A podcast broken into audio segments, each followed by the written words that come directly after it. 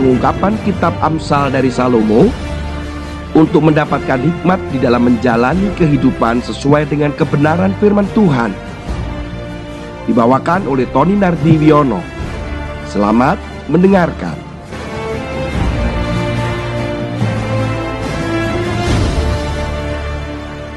Shalom saudara, kita sekarang masuk di dalam Amsal pasal yang ke-1 ayat yang ke-19. Demikian firman Tuhan, Demikianlah pengalaman setiap orang yang loba akan keuntungan gelap, yang mengambil nyawa orang yang mempunyainya. Saudara, setiap orang yang loba, loba itu artinya serakah, greedy. Tahukah kita dan sadarkah kita bahwa ternyata firman Tuhan mengatakan bahwa Keserakahan itu adalah sama. Sekali lagi, keserakahan itu adalah sama dengan penyembahan berhala.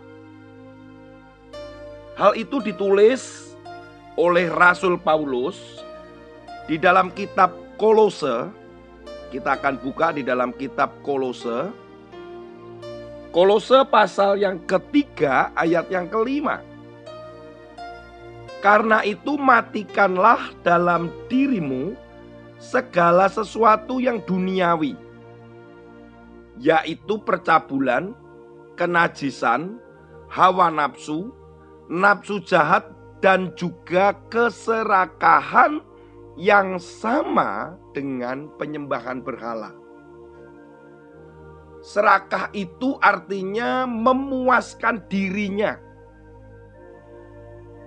menganggap dirinya sebagai sosok yang disembah untuk dipuaskan dan disenangkan. Hal itu seiring dengan sebuah aliran hedonisme sebenarnya. Aliran hedonisme itu dicetuskan oleh Aristippus abad ke-4 sebelum Masehi. Aristippus menganggap bahwa hedonisme itu adalah bagian dari tujuan manusia. Manusia itu dianggap baik bila tindakannya mendatangkan kenikmatan yang berpangkal pada kesenangan.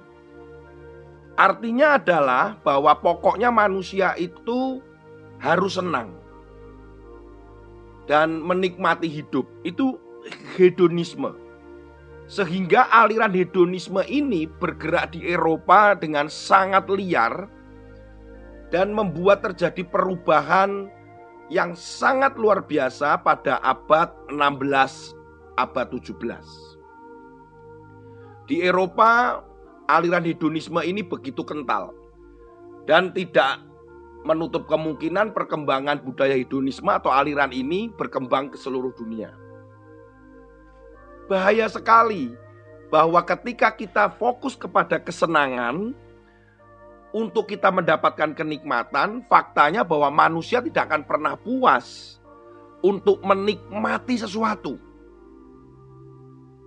Manusia tidak puas dengan pekerjaan, manusia sering kali tidak puas dengan pasangan, tidak puas dengan banyak hal. Bayangkan memenuhi kebutuhan manusia yang memuaskan. Sementara manusia standar kepuasannya semakin lama semakin tinggi. Ketika manusia tidak puas, saudara harus sadar bahwa akhirnya manusia akan bergerak untuk terus memuaskan dirinya apa pun dilakukan. Sehingga muncullah yang namanya keserakahan.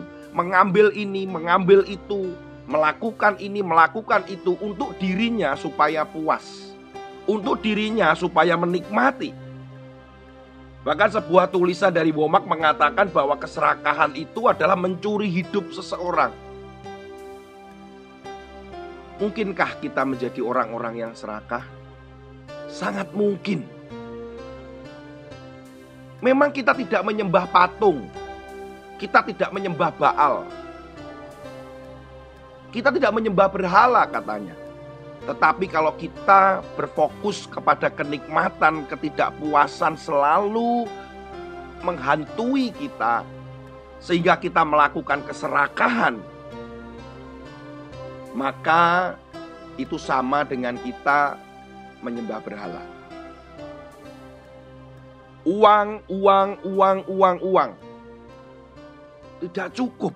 Makan, makan, makan, makan. Tidak cukup. Kekayaan, kekayaan, kekayaan. Gak cukup. Bahkan saya pernah melihat sebuah berita. Orang punya koleksi mobil-mobil mewah. Orang punya koleksi barang-barang berharga.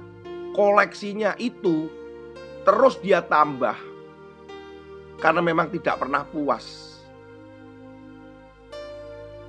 Saudara, apa sih ciri-ciri keserakahan yang oleh beberapa pakar sosiolog ditemukan dan para peneliti dan para psikolog mencoba untuk mensurvei dan melihat kenyataan bahwa orang-orang yang serakah adalah satu, orang itu tidak peduli lagi dengan orang lain.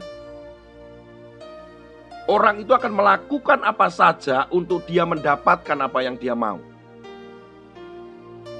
Menganggap tidak ada aturan dan tidak ada batasan. Orang yang serakah adalah orang yang tidak pernah puas. Orang yang serakah adalah memanipulasi orang demi kepentingan dirinya. Orang yang serakah itu mudah iri. Dan yang terakhir, orang serakah itu bisa menjajah dan menguasai orang lain dengan buruk.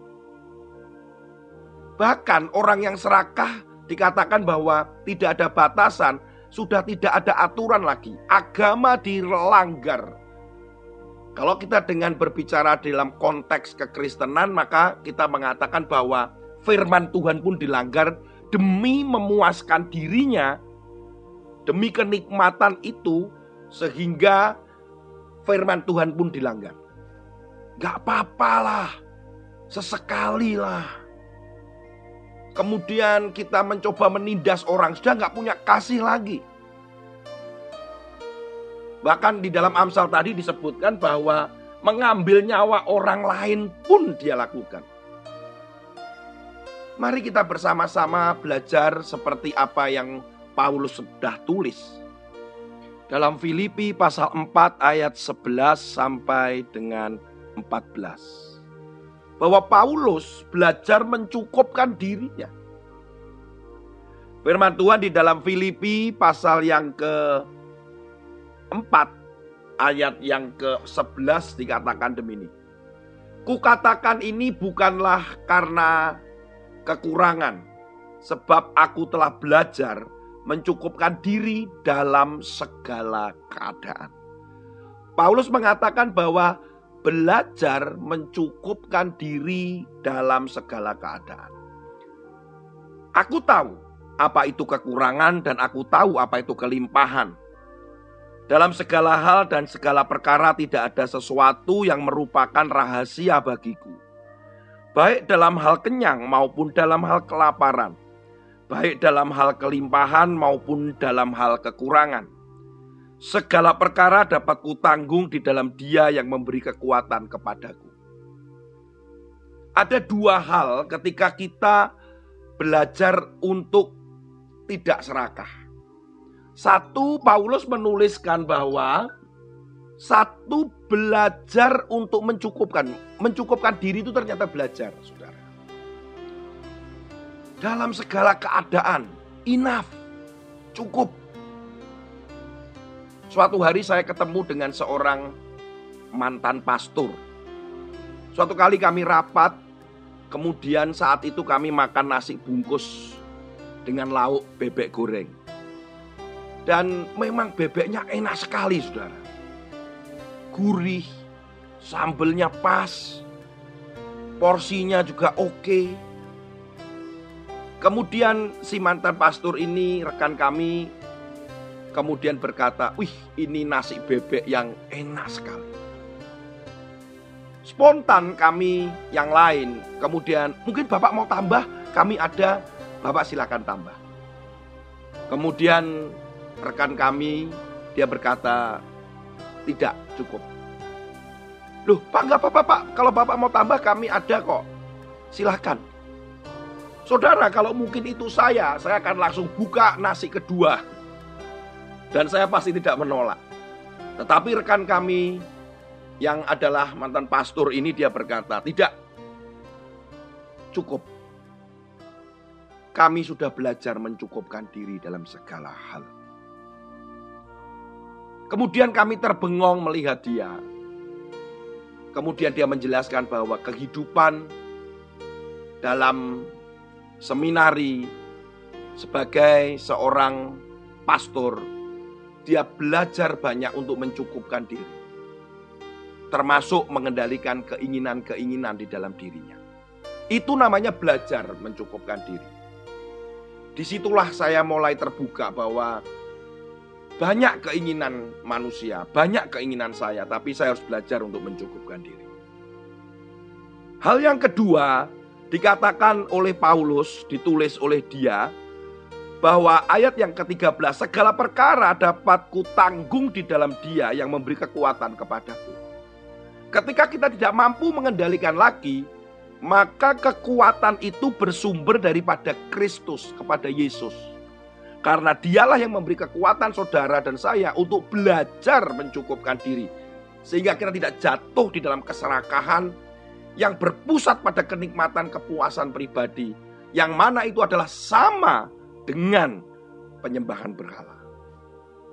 Mari kita saudara kita belajar untuk mencukupkan diri. Tidak hidup dalam keserakahan. Tuhan Yesus memberkati.